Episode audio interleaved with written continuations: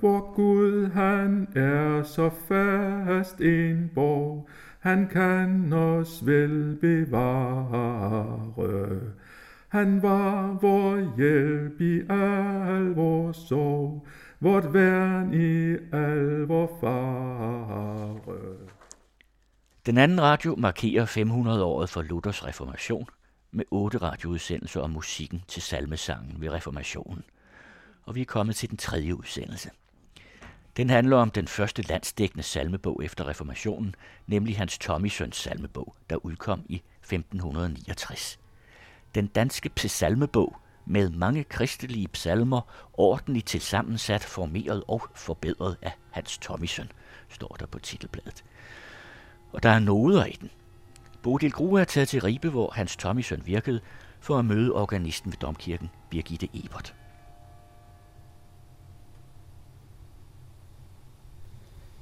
Jamen, vi sidder her på Aarhusbænken i Ribe Domkirke. Her i kirken har Hans Tommisen vel også bevæget sig rundt. Ja, det har han formodentlig, fordi han var jo rektor på katedralskolen, så han har skulle sørge for, at latinskoledrengene kom og sang til messe og til tidbønder, dels om søndagen og dels i ugens løb, når de skulle passe deres kirkegang. Og den salmebog, han har lavet, det er en ret tyk salmebog, lavet i 1569 er den udgivet. Øh, har du set originalen? Vi har faktisk originalen liggende, som vi har lånt af Ribe Katedralskole, som ligger her på Domkirkens Museum op øh, i den ene øh, arm af, af vores øh, overdel af Domkirken. Det ligner jo den, som vi har i hånden her, som er genoptryk. Og det er jo den første salmebog, som bliver sådan udbredt over hele landet, er det ikke det? Jo, det er det, fordi den er sådan set lavet på baggrund af tidligere udgivelser, det, det, det man kalder Malmø samlebogen og Hans Tausen samlebog, Hans Tausen, som også var biskop her. Men det er den første, som bliver landsdækkende, hvor der simpelthen bliver dekret om, at alle skal have den. Den skal købes øh, og linkes fast til degnestolen, sådan at øh, den ikke bliver stjålet, for det er en dyr en. Og den skal anskaffes til, til skolerne også, og øh, man skal også så småt anskaffe den til hjemmene, for det bliver en vigtig del af det lutherske stof, at husfaderen indstuderer salmerne med børnene, sådan at lærdommen, salmesangen kommer ud alle steder. Der er nogen, der siger, at den kostede det samme som en ko. Ja, det har jo været afsindigt dyrt, men lynhurtigt efter den blev udgivet, så kom den jo i alle mulige formater, og lommeformater også, så man kunne have den. Så den har fungeret, hele bogen har fungeret som almanak, dels som samlebog, men også som almindelig almanak, som var meget øh, almindeligt på den tid, at sådan en bog fungerede, dels som almanak og som bøns- eller, eller opbyggelsesbog. Og så står der også sådan nogle vigtige data. Og der står også på den 31. oktober, ja. hvor dr. Martin Luther begyndte først at disputere mod pavens aflad. Ja. 1517. Ja, det er fantastisk. Det er jo det, vi fejrer i år med, med de 500 år. Det er jo simpelthen netop det her de 95 teser, som blev sat op på døren i Wittenberg, hvor man satte meddelelser fra universitetet op, eller hvor de nu har siddet hen. Men i hvert fald de 95 teser, som så var med til at sætte det hele skred, kan man sige. Hans Thommisen var vokset op i Hygum, en landsby mellem Ribe og Røding, hvor hans far var præst. Faren, Thomas Knudsen, var med i den tidlige reformatoriske bevægelse i Sønderjylland, og han hjalp sønnen med at samle salmer til salmebogen. Hans Tommisen selv var uddannet teolog i København, og både han og faren havde også studeret i Wittenberg. Måske var det derfor, at Hans Tausen, der var den første lutheranske biskop i Ribe, i 1557 kaldte ham til at blive skolemester ved katedralskolen i Ribe. Og efter de, der blev forårsaget til at undervise ungdommen, også om danske salmer ret at sjunge ud i kirkerne, og der fattedes ikke alene noder til mange salmer, men også mange skønne salmer, som Luthers sidste tyske salmebog dog indeholdt begyndte jeg da at beflitte mig herom at udspørge de rette gamle noder til salmer af tysken, på det at jeg i nogen måde kunne mig og andre til bedste hjælpe og forbedre den danske salmebog. Efter fire år som rektor ved katedralskolen i Ribe, blev Hans Thomisen kaldet til at være præst ved Vor Frue Kirke, altså Domkirken i København. Og her fortsatte han med at til håbe samle mange dejlige lovsange og åndelige viser – Hans Thomisen var systematiker, og han ordnede salmerne i forskellige registre. Et af dem er register på de latinske hymner, sekvenser, responsorier, antifoner, som her findes på dansk. Og det vidner jo om, at man i den reformatoriske bevægelse ikke ville smide alt det gamle ud. Ja, de har jo øh, den store påskesekvens, øh, vigtig med Pascali Laudes, den har de med her på dansk, en dansk udgave. Faktisk både dansk og latin. Og så har de det lille vers, Kristet op af døde, verset, som altid er blevet sunget på modersmål traditionelt. Også i Danmark er det også blevet sunget på modersmål, og i Tyskland bliver det også sunget på modersmål ind imellem sekvensens led, eller de latinske sekvensled. Altså i den katolske tid? Ja, der har det også været. Det har været et af de få modersmålsvers, som har været sunget. Og det har de selvfølgelig ikke ville tage fra i den her tid her. Så sekvensen her er oversat til dansk. Og så har man sunget versene ind imellem. Og det er meget sjovt, hvis vi hører melodien. Så kan vi høre, at den er lidt anderledes, end vi kender den nu om dage.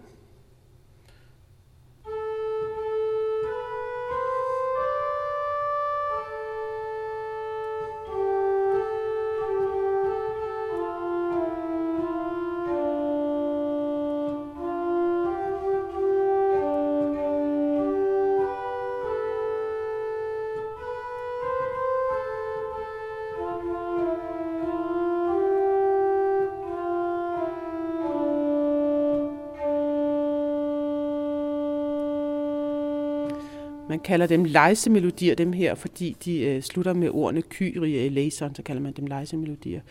Det sjove er, at den ligner jo slet ikke den Kristus op ad døde, som vi synger. Vi synger den samme melodi, sådan set, den ligner bare ikke alt for meget. Og det er et af de øh, beviser på, at Thomasen brugte de melodier, som var kan man sige, i dansk omløb, i stedet for den melodiform, som Luther brugte. For Luthers øh, melodiform er faktisk den, vi kender nu om dagen, men, men Thomasen bruger en gammel, og det betyder, at den har været sunget forud i Danmark. Så den bringer han videre, i stedet for at lave om på det skik. Prøv at spille den, som bliver brugt i dag.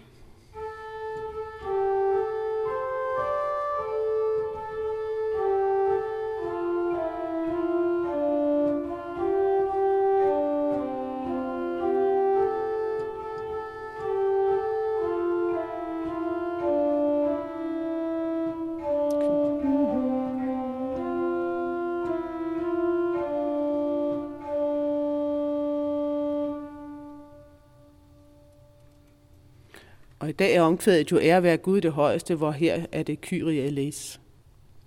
Men bag begge melodierne, der ligger den øh, latinske Victime Pascali Laudes som en gregoriansk melodi. Og har Thomisen i virkeligheden ikke også den med?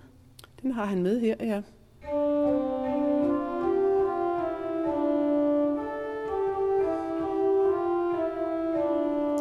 Sådan begynder den, og man kan jo se, at det er som om, at salmemelodien er sprunget ud af den.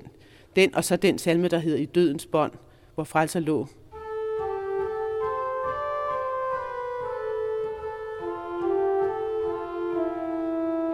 Ja, virker også til at være udsprunget af den her sekvens. Så det er meget tæt på det gregorianske. Det næsten ikke være tættere. Han skriver som overskrift den sekvens Victime Pascali Laudes. Og melodien er også den gregorianske, men ordene er på dansk. Ordene er på dansk, ja. Så er den jo god nok, ikke? Så melodierne kan, kan overkomme modsætningerne mellem det gamle ja, og det nye. Det, det kan melodierne jo, fordi melodierne har jo ingen konfession, kan man sige. Det, som er problemet med melodierne, det er jo tekstbetoningerne. Hvor naturligt bliver det at oversætte umiddelbart til hvilke toner. Og det er Luther selv utrolig opmærksom på, og det, øh, man har jo siden prøvet at oversætte gregoriansk sang til dansk for eksempel, og det giver jo nogle, øh, nogle tekstbetoningsproblemer. Nu er det svært at se her i Thomasen, hvor hvis tempoet har været meget langsomt, så er det svært at høre, hvad der har været betonet og ubetonet, når man synger en tandmelodi meget langsomt. Men øhm, i det hele taget er vi på et tidspunkt, før man ligesom opfandt en regelmæssig fordeling af, af versefødder og sådan nogle ting og stavelsesantal og sådan nogle ting. Det er vi før lyrikreformen, kunne man sige. Så det hele taget har det været meget frit, hvordan man har fordelt tingene. Og det har man jo kendt fra den gregorianske sang, som var helt fri rytmisk set, ikke? Ved, ved man jo faktisk ikke, men øh, tror man måske. ja. Der er her cirka en generation efter reformationen ved lov er indført i Danmark, ifølge Hans Thomisen stadig brug for at fastslå opgøret med pavedømmet. Og der er mange ord både i salmer og indledning til salmer, der tager afstand fra pavedømmet. I sit lange forord gør Thomisen rede for, hvordan pavekirken var kommet i uføre ved at lade alt i kirken foregå på latin. Ved sang og skrålen på latin mente de at kunne fortjene sig aflad, skriver han. Men da denne djævelens forblindelse og afguderi med adskillige vederstyggelighed var på det allerhøjeste, der begyndte Gud ved dr. Morten Luther, særlig i hukommelse, sit klare evangelie liv at åbenbare, og i blandt andet gå at lade ved Hanem digtes skønne tyske salmer og åndelige viser, hvilket flere gudfrygtige mænd siden også, efter St. Paulus lærdom, gjorde både i Tyskland og her i Danmark, på det at Guds børn kunne bekende, love og prise Gud med salmer på deres eget mål, som de forstår. Hele salmesangen er jo opstået øh, på Luthers foranledning, kan man sige. Han, øh, han skriver til øh, sin kurfyrstes øh, sekretær Spalatin, at vi har brug for nogle nye salmer, og øh, de skal være på modersmålet, så folk kan forstå, hvad de synger. Men øh, Luther har aldrig ønsket at smide alt det gamle væk på én gang. Han har bare ment, at forståeligheden skulle være der, så man har bygget på de gamle ting stadigvæk. De gamle latinske tekster er så blevet oversat, og øh, Davidsalmerne er blevet gendigtet, og øh, de messeledende er blevet gendigtet på modersmål på tysk altså, og de gamle sekvenser eller hymner, hvad der har været, er også blevet gendigtet. Så man har kunnet bruge gamle kendt stof, melodistof jo også især, og så har man gendigtet på, på modersmålet. Og så har Luther endda haft en særlig pointe i, at musikken skulle føje sig særligt efter sproget, sådan til det blev naturligt at synge. Det han været rigtig meget opmærksom på. Så der er et register på de Davids salmer, som findes udset i kristelig sang i denne bog. Davids salmer har altid været en vigtig, vigtig del af i den katolske kirke. I tidbønderne, der bliver øh, alle Davids salmer læst igennem eller messet igennem. Øh, jeg tror en gang om ugen øh, går man igennem alle 150 Davids salmer i, i løbet af en, sådan en, en tidbønsuge. Så det har været vigtig grundstof. Men Luther har ikke ment, at de skulle stå uformidlet. Han har ment, at de skulle ind i en forståelig form som fællesang menigheden sang, i stedet for at de bare skulle synges af et munkekor på afstand og være uforståelig kost på en måde. Så de er skrevet om i vers? De er skrevet om i vers, ja. Dels af Luther og dels af andre? Ja. Skal vi prøve at høre en af dem? Ja. Og det er den øh, 12. Davidsalme, vi har her, øh, som Luther selv har skrevet om til øh, O Gud af himlen, se her til.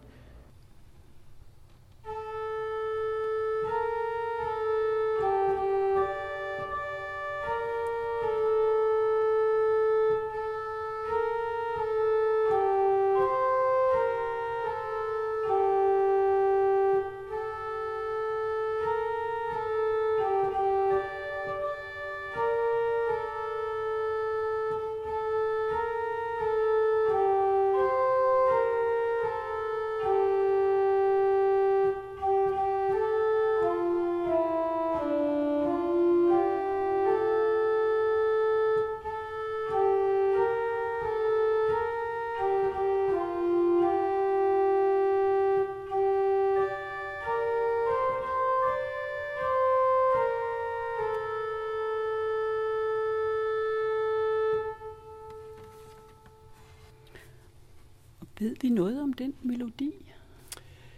Ja, altså det er muligvis en af de melodier, som man tilskriver Luther. Der er forskellige meninger om, hvor mange melodier Luther har gjort. Et godt bud fra en øh, stor Lutherforsker, der hedder Markus Jenny fra Tyskland, han øh, udgav en bog i 88, eller en større samling med Luther-skrifter, og deraf har han også haft salmerne under behandling, og det er ham, der ligesom har lavet registret og nummereringen af Luthers salmer. Og han mener, at man kan henskrive omkring 20 melodier til Luther dels øh, melodier som den her, som er gendækninger, og dels har han øh, taget nogle af de gamle messemelodier under behandling. Så den her mener han er Luthers egen melodi? Ja, den kommer fra en enstemmig kilde. Øh, man, man øh, tænker jo ikke så meget over dengang, hvem der lige var komponist. Man havde jo et kunstnerbillede på den måde. Det var jo mere et, et håndværk, kan man sige, at få melodien skabt til en god tekst. Og Luther gik virkelig meget op i, at tekst og melodi skulle gå øh, godt sammen. Og at det er en enstemmig kilde, det kan godt fortælle os, at den, som har lavet teksten, formodentlig også har lavet melodien. Havde det været en flerstemmig kilde, man havde fundet den fra, så var det sandsynligt, at den, som havde lavet udsættelsen, som for eksempel Walter, som lavede, Johan Walter, som lavede mange af udsættelserne til Luthersalmer, altså udsættelser for firstemmig kor, så var det naturligt, at det var ham, der havde lavet melodien. Men det her kan med stor sandsynlighed være en Luther egen melodi. Og det er da en øh, meget god melodi. En fin melodi, vi bruger den stadig. I, den står stadig i den danske koralbog. En anden melodi, som både er på latin og på dansk, den står i det register, som hedder... Register på de gamle sange, som har været brugt i pavedømmet. Der finder vi blandt andet Puer Natus, altså et barn er født i Bethlehem. Så det har været kendte sange, og det, og det er jo meget typisk Luthers også, at han vil ikke udrydde det hele, men han prøver at tage det, som er elsket. Der er jo ingen grund til at udrydde noget i skal man sige, menigheden eller i befolkningen, som har været elsket. Så de, øh, de tager det ind og prøver at gøre det luthersk, kan man sige. Og Hans Thomisen, han er tro mod Luther. Hans Thomsen er meget tro mod Luther. Han, øh, det er hele hans, øh, hans forbillede for, hvordan han skal samle den bog her. Det er ud fra det lutherske ideal sådan som han har oplevet det selv i Wittenberg. Han kommer til Wittenberg efter Luther, men stadig på Melanchtons tid, som jo øh, førte Luther-traditionen fuldstændig videre. Og far var der nogle 20 år før, ikke også har været der på Luthers tid, de har begge to magistre fra Wittenberg, kan vi forstå. Så det er jo på en måde meget rørende, at de har været der i det der brandpunkt. Ligesom så mange andre. Det har virkelig været et sted, man har mødtes. Kan vi høre det? Altså, et barn er født i Bethlehem. Det er jo på sin vis en salme, som vi synger utrolig meget stadigvæk. Desværre dog ikke med den gamle melodi her, fordi at Grundtvig gendigtede den, og så fik den en anden melodi, som nu er brugt. Men den her melodi, som er her, har en fantastisk gejst, synes jeg.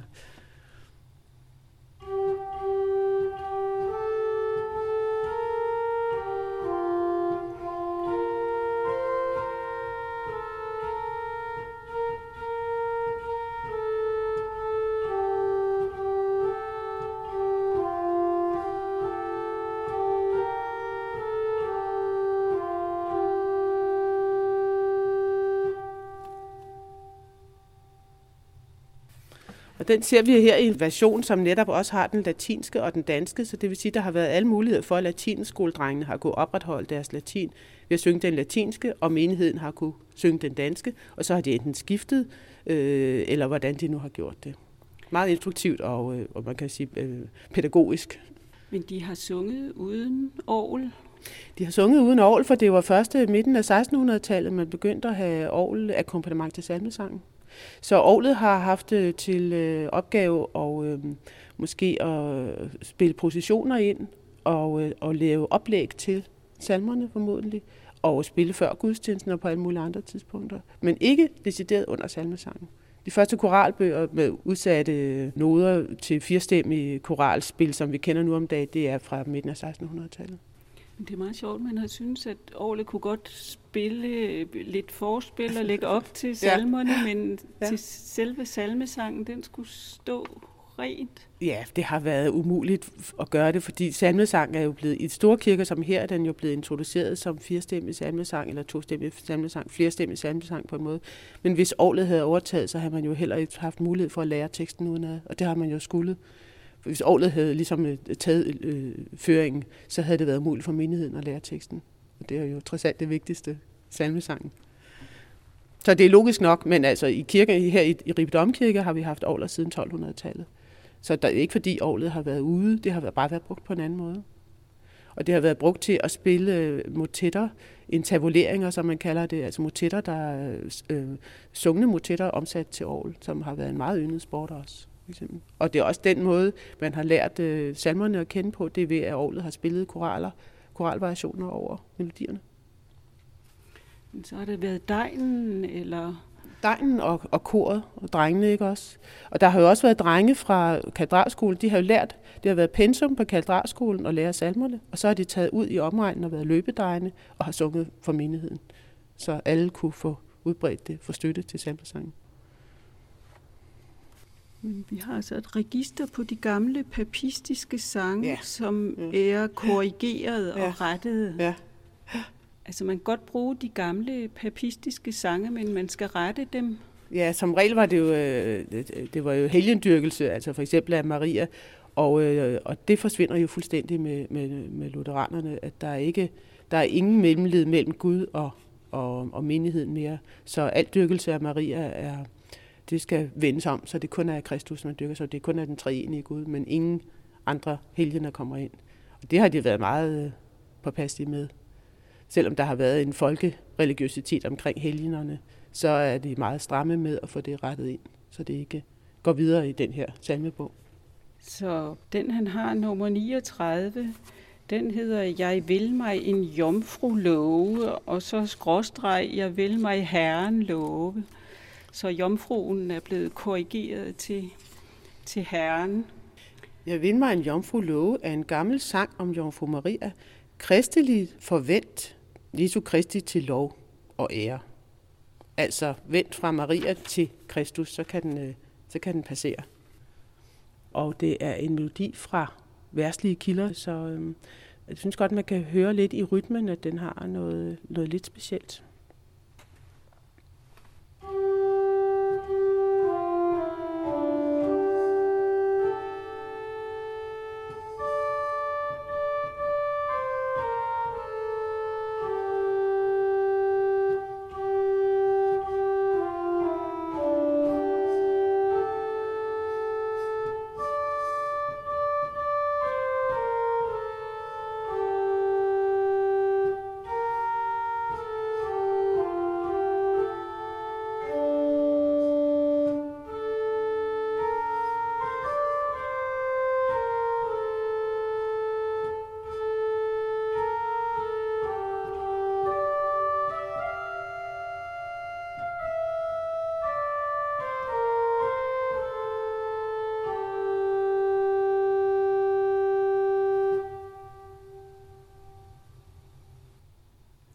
Det skulle være en, en værtslig, En værslig melodi, ja. men man kunne altså godt bruge værtslige melodier til, til salmetekster. Ja, øh, det kunne man. Nu her i den her tilfælde, der har den først været værslig, og så er det blevet en Maria-sang, og så er det blevet en luthersk sang. Så han har virkelig hentet salmer og åndelige sange ind fra mange steder. Ja, det har han. Han har hentet fra hele, jeg vil tro fra hele folkedybet, og fra de foregående samlinger, ikke også? Og måske ude fra Europa. Ud fra Europa, fra Tyskland i hvert fald, har han jo hentet. Og øh, man kan også se, der er lidt hollandske kilder og nogle andre ting. Og også lidt øh, nordiske kilder ellers. Men kender vi den salme i dag? Øh, ja, vi har den faktisk i koralbogen stadigvæk, og vi synger den ikke særlig ofte. Jeg er ikke sikker på, at jeg nogensinde har spillet den, men øh, den findes stadigvæk. Hans Thomisen har tilføjet 150 salmer til de i forvejen i reformatoriske salmebøger kendte. Otte af dem har han digtet selv, andre er digtet af folk som Hans Tausen, Peder Palladius og andre samtidige. Og andre har han fundet, måske i folkedybet, som for eksempel den gamle kristelige dagevise, den senede dag, som vi nu ser, den som Grundtvig gendigtede, og som hele forrige udsendelse i denne serie om salmesang ved reformationen handlede om. Hans Thomisen har ordnet salmerne i bogen efter emner om Kristi tilkommelse til verden, om Kristi person og embede, om Kristi pine og død, om de ti Guds bud osv. Der er også et emne, der hedder om ægteskab, og her finder vi en salme gendigtet af Sjællands første lutheranske biskop, Peder Palladius. Vor Herres Kristi brudevise, Dr. Petrus Palladius, til læseren. Derfor er denne mærkelige og trøstelige Kristi brudesalme på rim udsat, at ærlige kvindfolk, fruer og jomfruer, danne kvinder og gode møer, kunne bruge den til gavns og til Guds ære at sjunge brude til seng med, Lige under de samme noder, som den ugudelige brudevise ved navn Mari Skjold blev sædvanligt sjunget med, og hører hen til helgens påkald, og er derfor aflagt, at Gud skal ikke mere deraf fortørnes. Men her kommenterer han jo faktisk melodien, hvad han ikke så tit gør. Nej, det er nok et af de eneste steder, har du ret i, at han, øh, han skriver noget om melodien. Han vil ikke have, at man skal associere melodien for meget med den tidligere tekst, den har haft.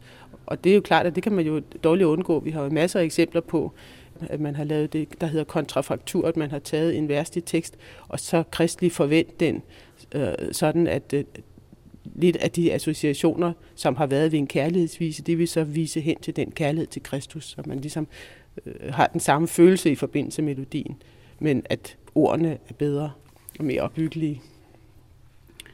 Og her er det så dr. Petrus Palladius, der har skrevet lidt om på den gamle Maria-vise. Ja, muligvis er det den, som Svend Grundtvig har, har øh, oplegnet, som øh, fortæller om øh, jomfrufødslen og flugten til Ægypten og øh, forskellige ting, hvad der sker omkring der, som er sådan en folkelig vise. Man kan sige from nok i sig selv, for der er det Maria, der, der er skjoldet i hver eneste våde, og her er det så Jesus, der er skjoldet i hver eneste våde. Så Maria er endnu engang blevet skrevet ud af historien, og Jesus er blevet taget frem. De har det samme omkvæd, formodentlig, blot er ordet Maria byttet ud med ordet Jesus. Kan vi høre den? Ja.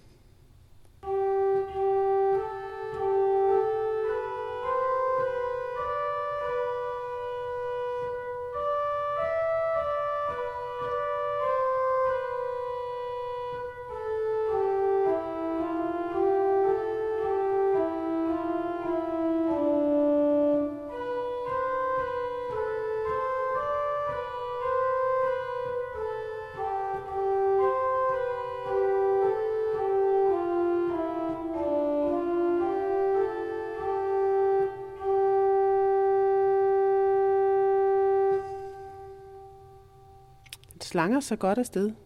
Man kan godt forestille sig, hvordan den er blevet sunget efter meget langsomt, og rytmen alligevel har været uden betydning, fordi det har gået så langsomt, man ikke har fattet hvad. Men den har også sådan en folkevise tone, har den, den ikke har den? en meget øh, fin tone, kan man sige. Ikke? Også nogle sjove intervaller og nogle ting der. Så den er anderledes end de salmer, man kender fra Tyskland? Ja, den er lidt anderledes, ikke? fordi den er heller ikke sådan umiddelbart øh, nem at gå til, kan man sige. Og det er lange fraser, og den er lidt speciel. Løft op dit hoved, al kristendom. Ikke RD. MD, det betyder 1564, ikke? 1564, den har været lige moderne, da den kom med her ganske tæt op på udgivelsen af salmebogen, kan man sige. Melodien har vi faktisk stadig i koralbogen. Og teksten er skrevet af Søren Skriver, borgmester i Kolding.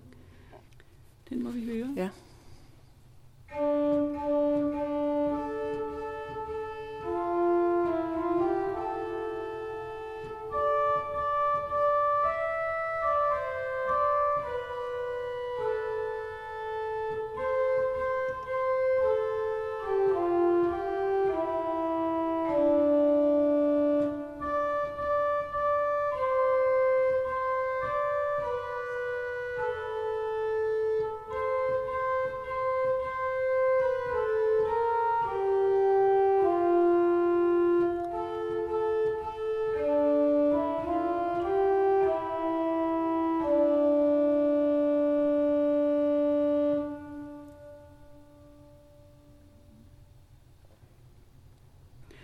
Men Søren Skriver, borgmester i Kolding, han har enten skrevet den til den her melodi, som har været kendt i forvejen, eller også har Hans Tommisen fundet en melodi, der passer til. Ja. Henrik Glan mener, at det er mm, en dansk eller ja. nordisk visetradition. Ja, så, har han, så har han kendt den i forvejen, og så har han skrevet teksten til den. Den er fin. Men i dag lyder den ikke sådan? Jo, den lyder faktisk lige sådan. Undtagen et meget herligt sted, som er, som er blevet ændret i vores koralbog. Når man kommer hen mod slutningen, der har jo den der fine... Øh,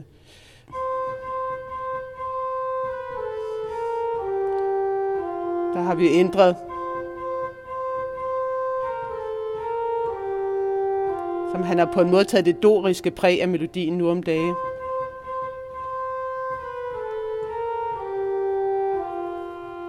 Det H der har man ændret til et B, men ellers er den faktisk øh, fuldstændig genkendelig som sig selv i dag. Teksten danner grundlag for øh, Grundtvigs rejse op dit hoved af kristenhed, og har formodentlig også været brugt til den, før den fik sin egen af Kåre Nygaard. Så den findes? Selvom, den findes, ja. Selvom der også er en anden melodi ja, til den salme? Ja, ja. Thomsen skriver selv, Guds ord er i sig selv den allerliftigste musik, men når der kommer en sød og livlig sang og melodi dertil, som også er en Guds gave, får sangen en ny kraft og går dybere ind i hjertet, så er teksten, som er sangens sjæl, rører hjertet mere og ikke så let glemmes. Meget poetisk sagt. Og så har han jo øh, øh, otte punkter til, hvordan, hvad det er, salmesangen skal, og de er meget også rørende, kan man sige. Gunstige, fromme kristne – Eder tilskriver og skænker jeg denne bog, som indeholder 268 salmer, bedenes, at i den ville tage til takke og bruge den flittig og gudfrygtelig i eders kirker, skoler og huse. For det første, til at ære, love og prise Gud med sådanne gudelige lovsange. For det andet, til at lære, forfremme og bevare her med Guds ord i blandt heder fordi rim og sang læres snart med lyst og kunne bedst i hukoms. Og åbenbar prædiken end blev forbøden, om alle gode evangeliske bøger blevende brændte og sønderrevne, dog kan den forstand, som ved gudelige viser er indgroet i hjertet, ikke så snart bortrykkes. For det tredje, til at opvække eder selv til større penitense gudelighed og flittighed i bønden. For det fjerde, til at fordrive sorg af et sorgfuldt hjerte og bekomme ret åndelig glæde og trøst i livs og døds nød. For det femte, til at bekende Gud åbenbarlig for alle mennesker, for engle og djævle. For det sjette, til at opvække eders børn og ungfolk til at også kende og prise Gud. For det syvende, til at lokke Guds hellige engle til eder og til at bortdrive de onde ånder, djævle, fra eder, når I sjunge Guds frygtelig af et trofast hjerte. For det ottende, til at forhindre og aflægge her med hines slemme papistiske sange, boleviser og andre forfængelige, ugudelige, unødige og forarvelige viser, som nu desværre alle vegne bruges af letfærdige mennesker, hvilke Gud vislig straffe vil summa til at forfremme Jesu Kristi rige, hvilket hermed aleneste søges. Så Tommisens salmebog, den holder sig længe? Thomasens salmebog holder sig faktisk op til Kinkos salmebog i 1699, men øh, ikke i den øh, form, som den har her. Allerede andet oplag, der er ændret lidt, og siden kommer der man kan sige, en masse bogtrykker begynder at lave det. Altså, der er virkelig penge i salmebogstrykning, så det kommer en væld af salmebøger efter Thomasen. Og, og det næste øh, der 130 år kommer der virkelig mange salmebøger, og der kommer masser af nye salmer ind. Så det er på et tidspunkt er over 1000 øh, salmer i salmebogen her. Det det, man kalder Thomasens salmebog, eller hvad de ellers kalder den. Det har virkelig været noget, man skulle have, en salmebog. Vi var på besøg i Ribe Domkirke, hvor domorganist Birgitte Ebert spillede og fortalte om hans Thomisons salmebog fra 1569, og det var Carsten Farov, der lagde stemme til Thomisons ord. Den anden radioserie om salmesang ved reformationen er tilrettelagt af Bodil Grue og Kirsten Røn med støtte fra Folkekirkens Fællesfond midler til fejring af 500 år for reformationen. Næste udsendelse, som vi sender om 14 dage, handler om orgelets og andre musikinstrumenters brug i gudstjenesten ved reformationen. Tidligere udsendelser i serien Salmesang ved reformationen kan findes på vores hjemmeside. I skal bare gå ind under serier.